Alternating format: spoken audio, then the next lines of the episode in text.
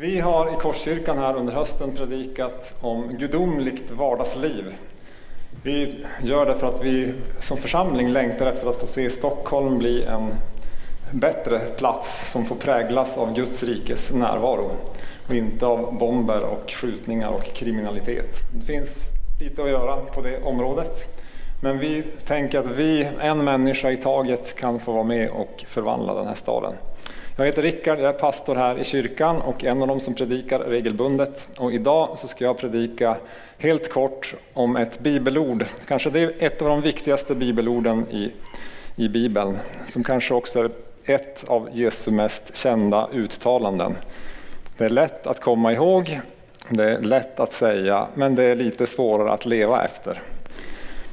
Innan jag läser det så finns det en bakgrund här som jag vill ge er. Så några årtionden innan Jesus klev fram på scenen och började predika det, så, så var det två judiska rabbis, bibellärare, som ledde varsin skola.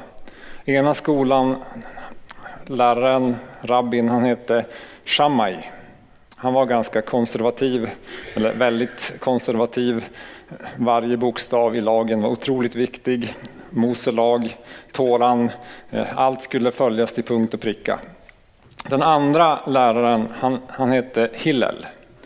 Eh, han var också noggrann med Toran och lagen, men han hade en mycket mer medmänsklig profil. Alltså att hur, hur, man skulle kunna leva det här på ett sätt som ändå anpassades in i vardagen och så. Som ni förstår, redan på den tiden det fanns inte Facebook och sociala medier, men diskussionerna var livliga mellan de här två skolorna och de hade olika lärjungar som försökte följa dem. Och det här, de diskuterade ju allt då från äktenskap till hur man skulle bete sig i templet och så vidare. och Så vidare. Så stor, stor diskussion. Sen kom det då en, en hedning, en person som inte var jude, en utlänning, kom till Israel på den här tiden och, och, berättelsen är så här att han kom först till den här läraren Shammai, den mer konservativa och, och sa om du kan ge mig hela Toran, hela Mose lag medan jag står på ett ben så ska jag omvända mig och bli en jude.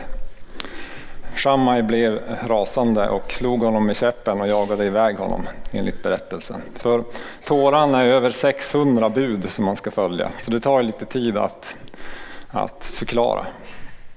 Några dagar senare enligt berättelsen så kom den här eh, hedningen, utlänningen till Hillel ställde samma fråga. Om du kan förklara hela Mose lag medan jag står på ett ben så ska jag omvända mig och bli en jude.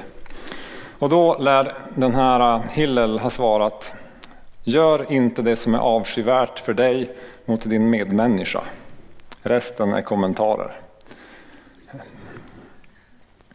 När vi nu ska läsa ett av Jesu mest kända uttalanden som kallas den gyllene regeln så var Jesus alltså inte först med att försöka sammanfatta lagen, budskapet, tåran i eh, en, ett par korta meningar.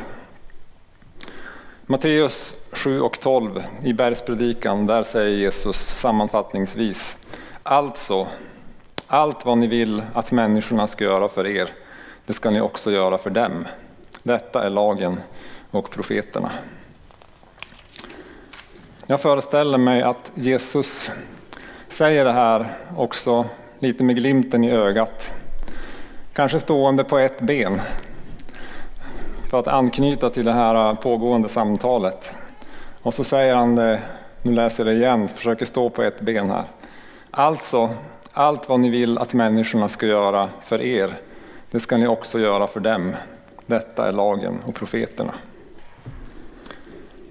Om ni är uppmärksamma så är det här annorlunda än vad Hillel sa. Gör inte det som är avskyvärt för dig mot din medmänniska. Alltså det är mer än ett inte-budskap. Gör inget dumt mot andra som inte du vill att de ska göra mot dig. Alltså slå inte människor, gör inget ont med andra så gör de kanske inte det mot dig. Det här är inte unikt för den judiska tron utan det finns Konfucius borta i Kina hade formulerat något liknande. De grekiska filosoferna var inne på samma spår. Idag kan man till och med slå upp det här under något som heter, man kallar det silverregeln. Alltså det, filosoferna jobbar fortfarande med det här. Alltså att inte göra vad andra inte ska göra mot mig. Och Jesus kan vi förstå var väldigt införstådd med det här sättet att tänka. Men han spetsar till det. För det här är ju mycket, mycket mer utmanande. Att faktiskt göra gott för andra som behöver det. För att jag också behöver något gott in i mitt liv. Inte bara lämna andra i fred och fortsätta att tänka på vad som är bekvämt för mig. När man då kom, alltså började tänka på den här gyllene regeln, jag har ju tänkt på den sedan jag var barn. Eh, för jag har hört om den i söndagsskolan och så. Och, ja, man, man, man tänker och, och en, en, period i mitt liv så tänker jag att det här fungerar inte. Det var när jag och Therese var, var nygifta. Eh, jag hade nog trivialiserat det här lite för mycket. Jag tänkte att om jag säger det jag vill höra till min fru så kommer hon att säga det till mig. Alltså, ganska själviskt perspektiv. Så när jag sa att eh, jag tycker du har fått lite mer muskler eh, så tolkade hon det fel. Eller när jag sa eh, men du är så duktig på att diska eh, så kom ju nästan diskborsten flygande tillbaks till mig. Det här funkade inte riktigt. Eh, Sen började jag förstå att det handlar liksom inte om mig i första hand utan det handlar ju faktiskt om, om att göra något för andra som jag själv skulle vilja bli bemött. Och, så. och det är väl den här nivån som vi tänker oss. Sen när jag kom på det så ja, men då började jag få lite bättre koll på det här försökte jag liksom eh, diska och eh, ge komplimanger som kanske betydde något för henne och inte bara för mig. För att jag ville, av kärlek, för att det skulle bli, funka lite bättre i vårt äktenskap. Man kan ju lyfta upp det här också på, på nästa nivå, på sin arbetsplats, i sin större familj, i församlingen. Alltså allt det vi vill, det jag vill att andra ska göra för mig, det ska jag också göra för dem. Vi har jobbat lite med det här i kyrkan, här i Korskyrkan under, under några år med bemötande. Att om jag är vänlig och välkomnande och ler mot människor så kommer det här att sätta sig i kulturen och så kommer det att bli en varmare och mer leende och glad församling med tiden. Det handlar inte bara om att alla ska le mot mig när jag kommer, utan att vi alla ska le mot varann och vara varma och välkomnande mot varann. Och det här är bra.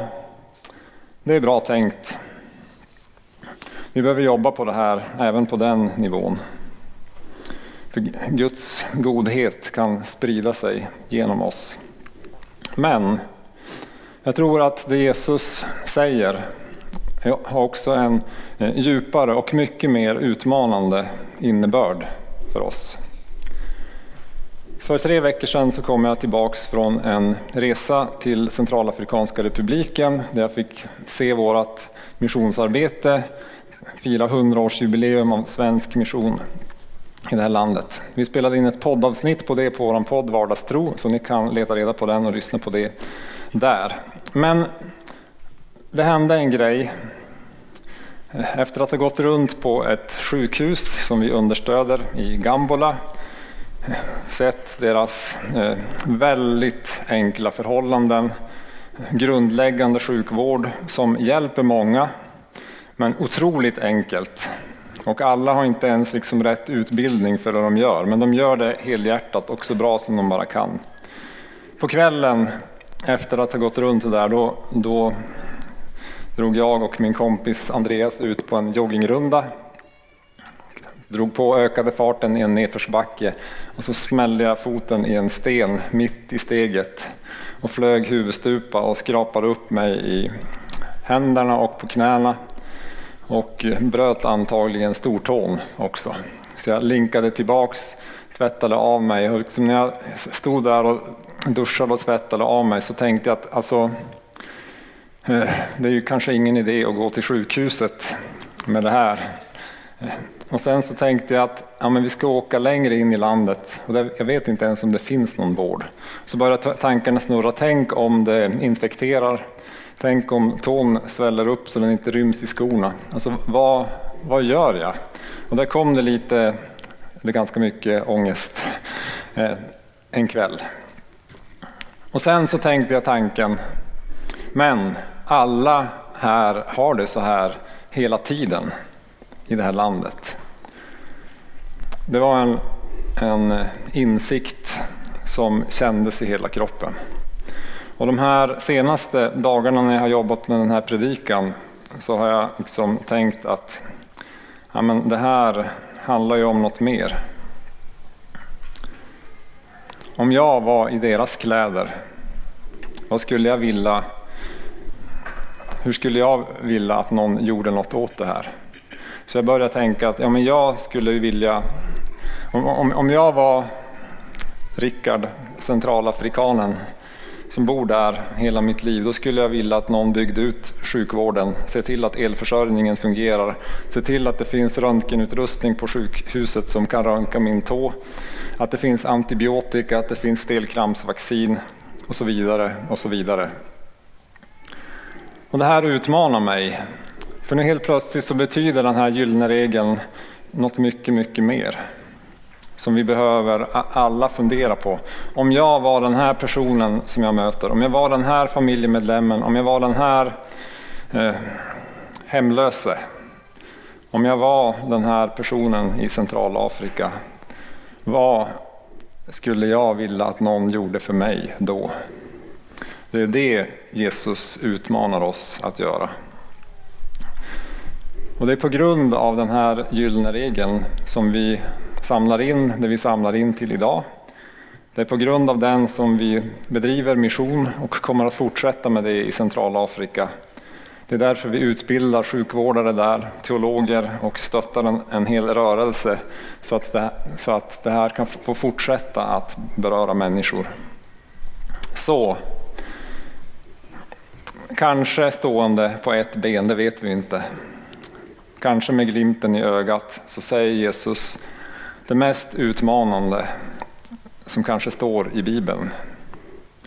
Allt vad ni vill att människorna ska göra för er, det ska ni också göra för dem. Detta är lagen och profeterna. Det är ett uttalande som har hjälpt till att förändra världen. Om vi alla bestämde oss för att leva så, så skulle vi kunna göra mycket mer för människorna omkring oss. Vi skulle kunna lyfta blicken från att leva i en lite mer så här småskalig frid, harmoni och glädje i kyrkan till att faktiskt kunna göra världen till en bättre plats. Här är min predikan nästan slut. Vi ska gå över i nattvardsfirande som jag också ska leda alldeles strax.